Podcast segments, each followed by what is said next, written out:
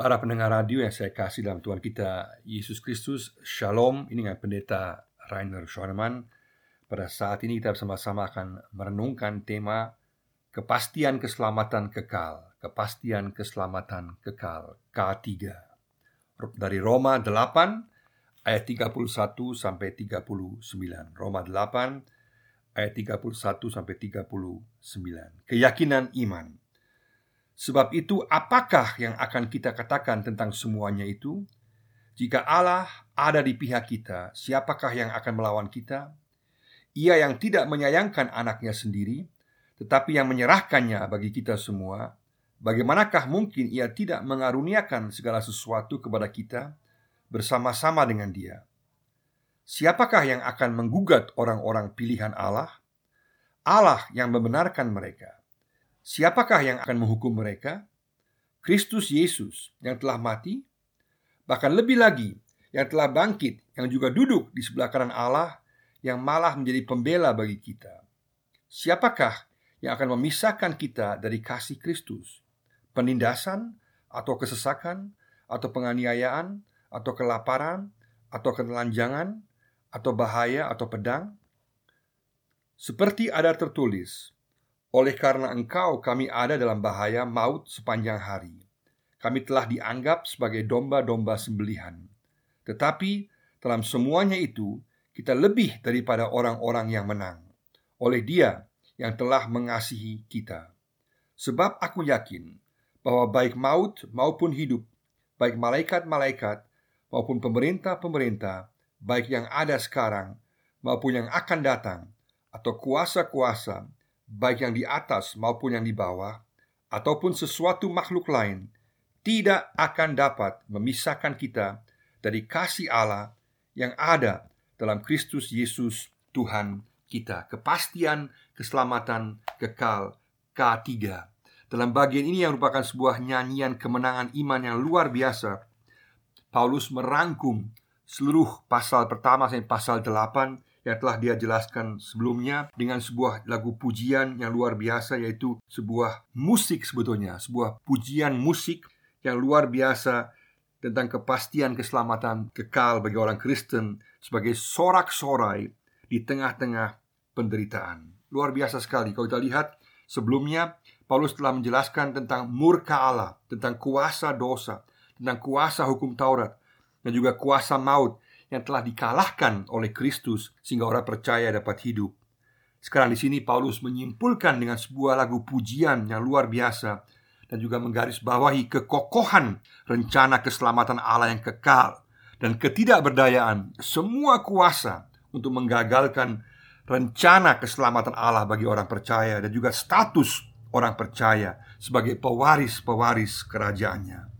Bahkan segala jenis penderitaan, segala jenis kuasa-kuasa yang melawan orang percaya dapat digunakan oleh Allah untuk membentuk mereka sebagai orang percaya agar layak mewarisi kerajaannya.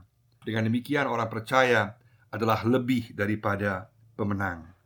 Di sini Paulus merangkum seluruh isi daripada pasal 6 sampai pasal 8 dengan singkat dan padat dengan menggunakan berbagai pertanyaan dan menjelaskannya bahwa orang percaya memiliki kepastian keselamatan kekal dalam Kristus. Kita lihat sini ada tiga bagian besar dalam bagian ini yang akan saya jelaskan secara singkat. Bagian yang pertama yaitu adalah fakta, yaitu fakta Allah berpihak pada orang percaya. Fakta Allah berpihak pada orang percaya ayat 31 sampai 36. Di sini Paulus memberikan 10 pertanyaan Kalimat tanya tak bertanya ya kalimat bertanya yang bersifat retoris artinya tidak ada tidak ada hal apa pun yang dapat memisahkan orang percaya dari kasih dan keselamatan Allah. Kita lihat bagian pertama yaitu ayat 31 yaitu orang percaya menang dan disertai Allah. Ayat 31. Orang percaya menang dan disertai Allah. Ayat 31 di sini dari awal Paulus jelaskan sangat tegas bahwa karena orang percaya disertai Allah, maka mereka akan memperoleh kemenangan kekal. Orang percaya yang dikenal, yang dipanggil, yang dibenarkan oleh Kristus, mereka pun juga akan dimuliakan oleh Kristus. Jadi keyakinan ini bukan berada pada diri kita sendiri, tetapi kita bersandar pada pemberian keselamatan Allah. Dan ungkapan Allah di pihak kita itu berarti di sini bahwa Allah yang bertindak, Allah yang menjadi jaminan, Allah yang menjamin posisi kita dan memberikan kepada kita kemenangan. Dan kalau kita lihat di sini bahwa istilah Allah beserta kita janganlah juga disalah mengerti sebagaimana telah dipakai juga dalam berbagai hal untuk simbol-simbol kepentingan kekuasaan gereja dan juga berbagai situasi dalam kehidupan orang Kristen jangan dipahami secara dangkal tapi harus dilihat bahwa Allah berpihak pada kita berarti bahwa Allah yang akan membebaskan kita daripada penindasan dan juga bahwa Dia yang memegang kendali. Dengan demikian tidak ada yang dapat memisahkan kita dari keadaan apa pun juga bahwa Allah berpihak kita. Itu yang pertama. Kedua adalah orang percaya memiliki jaminan keselamatan ayat 32. Orang percaya memiliki jaminan keselamatan. Artinya ada pemberian Allah yang luar biasa di sini yang meyakinkan kita bahwa karena pemberian Kristus maka kita memiliki kepastian keselamatan. Berarti bukan dari kita tapi dari Kristus yang telah menyerahkan dirinya bagi kita. Sehingga itulah jaminan keselamatan bagi kita. Hubungan antara Allah dengan Kristus digambarkan secara khusus di sini dan juga hal tersebut bahwa digambarkan bahwa Yesus mati dalam rencana keselamatan Allah bagi kita manusia. Berarti setiap orang percaya dari semua suku bangsa, dari semua golongan yang mengandalkan kasih karunia Kristus akan mengalami keselamatan, akan memperoleh keselamatan. Ini merupakan hadiah yaitu pemberian yang cuma-cuma tanpa bayaran yang dapat kita raih dalam iman percaya kepada Kristus sehingga Kristus telah mengorbankan dirinya untuk keselamatan kita. Segala sesuatu di sini berarti bahwa kita akan diberikan mahkota keselamatan, kita akan diberikan oleh Kristus keselamatan kekal bersama-sama dengan Dia. Dengan demikian maka kita dipanggil untuk sungguh-sungguh menyadari dosa kita dan sungguh-sungguh bertobat dan sungguh-sungguh kita beriman dan sungguh-sungguh menggapai dalam anugerah Allah yang luar biasa ini untuk keselamatan sehingga dengan demikian ada kepastian keselamatan bagi semua orang percaya karena Kristus yang telah mati bagi kita. Yang ketiga adalah orang percaya bebas dari tuduhan dan dibela oleh Yesus. Orang percaya bebas dari tuduhan dan dibela oleh Yesus ayat 33 dan 34. Artinya luar biasa sekali bahwa Allah berpihak pada kita bukan saja bahwa kita disertai oleh Allah, kita dapatkan jaminan keselamatan, tapi juga bahwa kita bebas dari tuduhan iblis yang mau menjatuhkan kita, dan Kristuslah yang membela kita. Karena kematian Kristus telah menebus kita secara lunas, dan juga kebangkitan Yesus telah membuktikan bahwa korban penebusannya adalah sah dan diterima oleh Allah dan dapat memberikan kehidupan bagi orang percaya. Dan juga kenaikannya ke sorga yang berarti bahwa sekarang Yesus dikukuhkan dan memiliki posisi kehormatan tertinggi di sorga. Yesus itulah yang telah menebus kita, yang telah, telah bangkit dan sekarang duduk di sebelah kanan Allah memiliki posisi kekuasaan. Dialah yang membela kita. Kalau iblis tuduh kita, maka Yesuslah yang berdiri di antara kita dengan tuduhan iblis. Dia yang menjaga kita, dia yang menghalangi kita, dia yang pele kita dalam bahasa Papua. Artinya semua tuduhan daripada iblis terhadap kita semuanya terpental oleh Kristus karena Kristus yang membenarkan kita, Kristus yang juga menguduskan kita, memuliakan kita sehingga kita memiliki kepastian dibebaskan dari semua tuduhan dan juga dibela oleh Yesus yang adalah raja segala raja. Dengan demikian, Kristus telah menyelesaikan secara lengkap, secara sempurna karya keselamatannya dan kita semua orang yang percaya kita dimasukkan dalam karya keselamatan ini memperoleh kepastian keselamatan kekal. Dengan demikian kita dapat memperoleh penghiburan yang kuat bahwa apa pun yang terjadi pada saat kita bersandar berlindung pada kuasa Kristus, kita memperoleh keselamatan. Pada saat kita merasa bersalah, kita berdosa, kita gagal, itu melumpuhkan kita, membuat kita frustrasi. Maka cara yang paling tepat adalah jangan cari-cari alasan, jangan membuat pembelaan, tapi pandanglah kepada Kristus. Lihatlah kepada salib Kristus, andalkanlah Kristus, mintalah ampun pada Kristus, dan kemudian ada kepastian bahwa kita dibenarkan oleh Kristus karena Kristus yang telah menanggung segala sesuatu bagi kita. Sehingga dosa kita diampuni dan kita dibenarkan oleh Kristus, kita dibela oleh Kristus. Kristus sendirilah yang berdoa syafaat bagi orang percaya. Dan inilah merupakan kunci keberhasilan kita, kepastian bahwa kita bebas dari segala tuduhan-tuduhan, kita diselamatkan oleh karena Kristus. Datanglah pada Kristus saat kita mengalami berbagai tekanan, merasa bersalah, berdosa, selesaikan dosa kita, dan kita berlindung dan juga mengandalkan kuasa Kristus. Yang keempat dalam bagian pertama yaitu orang percaya tak terpisahkan dari kasih Allah.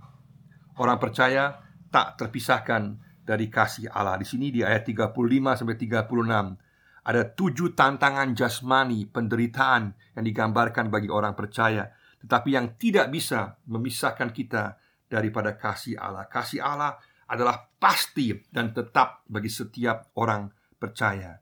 Maka kata harusnya bukan siapakah tapi apakah yang dapat memisahkan kita dari bahasa Indonesia karena bahasa Yunani agak berbeda di sini menggunakan maskulin dan feminin padahal sebenarnya ini merupakan hal-hal berarti harusnya pertanyaannya apakah yang dapat memisahkan kita? Semua penganiayaan semua penderitaan bahwa kita tidak memiliki sandang pangan bahkan kita ditekan dan juga mengalami berbagai jenis penderitaan. Semuanya itu tidak bisa memisahkan kita daripada kasih Allah. Di sini Mazmur 44 ayat 22 dikutip di sini yang menunjukkan bagaimana gambaran orang percaya yang ditekan di tengah-tengah penindasan, tetapi di tengah-tengah penindasan, penganiayaan, penderitaan, tetap Allah berpihak kepada kita. Dengan demikian maka penderitaan dan pencobaan bukanlah tanda bahwa Allah sedang menarik kasihnya dari kita, bukan, tapi Allah mengizinkan orang percaya untuk menderita dan dia tetap tidak berhenti mengasihi orang percaya dan dia memperlakukan demikian dengan tujuan supaya kita dapat sungguh-sungguh menyatu dengan Kristus, dipermuliakan dengan Kristus dan juga bertumbuh dewasa dalam iman dengan Kristus dan kita semua akan mewarisi Kristus. Berarti apa yang dialami Kristus juga akan dialami setiap kita sebagai orang percaya. Pada saat kita menderita karena Kristus, karena situasi penderitaan, maka kita boleh tahu kita berada dalam kehendak Tuhan berada pada jalur Allah yang benar. Maka segala jenis penderitaan jasmani di sini Paulus gambarkan puncaknya yaitu tentang pedang. Paulus belum mengalaminya, tapi kemudian Paulus kita tahu dia menderita kematian pada saat dia dipancung dengan pedang. Maka kematian pun tidak bisa memisahkan kita daripada kasih Allah. Kita boleh yakin bahwa kita boleh berlindung, ada kepastian kekal bahwa kita selamat bersama-sama dengan Kristus. Bagian yang kedua yang besar berkaitan dengan status. Yang pertama tadi adalah fakta Allah berpihak pada orang percaya. Sekarang adalah status orang percaya sebagai pemenang sejati. Status orang percaya sebagai pemenang sejati ayat 37. Sini digambarkan bahwa kita sebagai orang percaya sekarang memiliki status yang baru. Bahwa kita adalah super pemenang. Hyper Nikomen adalah istilah bahasa Yunani yang berkaitan bahwa kita menang secara luar biasa, super menang, maha menang atau sebagai super pemenang. Itu itulah pemenang sejati. Bersama-sama dengan Kristus, sang pemenang, kita pun juga menang. Berarti kehebatannya bukan berasal dari kita, tetapi berasal dari Kristus. Kita bersama-sama dengan Kristus yang telah mengorbankan dirinya, mengasihi kita, maka kita pun juga mengalami kemenangan bersama-sama dengan Kristus. Sehingga kasih Kristus merupakan dasar kemenangan orang percaya. Ini merupakan sebuah paradoks, realita, suatu kenyataan Kristiani bahwa di satu sisi kita mengalami penderitaan dan sisi yang lain kita juga mengalami kemenangan. Dua-duanya ada dan dua-duanya menjamin bahwa kita akan menjadi ahli waris kerajaan Allah. Dia tetap mengasihi kita. Berarti dalam kematian Yesus di kayu salib dalam bentuk auris digambarkan bahwa pengorbanannya, bukti kasihnya menjadi landasan bagi kita untuk pembenaran pemuliaan kita. Kita adalah lebih daripada pemenang, kita adalah pemenang sejati, super pemenang, maha pemenang yang luar biasa. Itulah status kita yang baru dari hubungan kita dengan Kristus. Artinya kita tidak boleh membanggakan diri kita sendiri. Apa pun yang kita telah berhasil lakukan, semuanya berasal dari Kristus. Hanya bersama dengan Kristus kita akan mengalami kemenangan. Dan yang terakhir yaitu yang bagian ketiga, keyakinan iman berada dalam kasih kekal Kristus. Keyakinan iman berada dalam kasih kekal Kristus ayat 38 sampai ayat 39. Di sini kita lihat bahwa ada 10 tantangan dari dunia supranatural yang digambarkan, dunia roh yang digambarkan Paulus di sini, yang kesemuanya tidak dapat memisahkan kita dari kasih Kristus. Sebelumnya, Paulus telah jelaskan tujuh tantangan jasmani, penderitaan, yang juga tidak dapat memisahkan kita daripada kasih Kristus. Sekarang dia tekankan ada 10 tantangan dari dunia roh kuasa-kuasa, roh-roh, malaikat, makhluk apa pun, semuanya tidak dapat memisahkan kita dari kasih Kristus. Maut, kehidupan, apa pun tidak bisa memisahkan kita daripada kasih Kristus. Karena kasih Kristus itulah dasar. Maka kematian bukanlah akhir, tapi merupakan sebuah gerbang pada lintasan langit menuju kepada hadapan Yesus, kepada kemuliaan bersama dengan Kristus. Maka kita tidak perlu takut akan kematian karena kita tahu kita berada bersama-sama dengan Kristus. Juga semua jenis malaikat, baik malaikat yang baik maupun juga malaikat yang tidak baik yang telah melawan Kristus, semuanya pun tidak bisa memisahkan kita daripada kasih Kristus. Juga waktu sekarang dan yang ke depan, pemerintahan-pemerintahan, kuasa-kuasa, roh-roh jahat apa pun tidak bisa memisahkan kita daripada kasih Kristus. Kristus yang berkuasa, darahnya berkuasa. Dia telah mengalahkan kuasa kegelapan dan kuasa maut maka kita boleh yakin bahwa kita dalam situasi apa pun kita berada dalam kasih Kristus karena tidak ada kuasa, tidak ada roh apa pun yang dapat melawan menandingi kuasa Sang Pencipta Allah. Orang percaya telah bebas dari dosa, dibebaskan dari dosa, dari hukuman murka Allah dan juga kini sekarang berada dalam lingkup kasih Allah dan menjadi ahli waris kerajaan Allah. Salib dan hanya salib yang menunjukkan arti kasih yang sejati dan ilahi. Sangat penting bahwa dalam kasih Kristus di kayu salib itulah yang membuktikan bahwa kita kemudian diselamatkan. Itulah ruangan atau tempat jaminan keselamatan bagi kita. Dan Yesus Kristus memang adalah nama di atas segala nama yang menyatakan kasih dan karya Allah bagi manusia yang penuh kuasa membawa pengampunan, pembenaran, dan kepastian keselamatan dan juga semua jenis hal-hal yang mengerikan yang dapat dialami oleh manusia. Semuanya kita boleh tahu bahwa kita tetap terlindung dalam kasih kasih Allah, dalam kedaulatan Allah bahwa Kristuslah yang menang. Dengan demikian orang percaya di sini dapat dikatakan ia diselamatkan dan hidupnya berada dalam pemeliharaan Allah.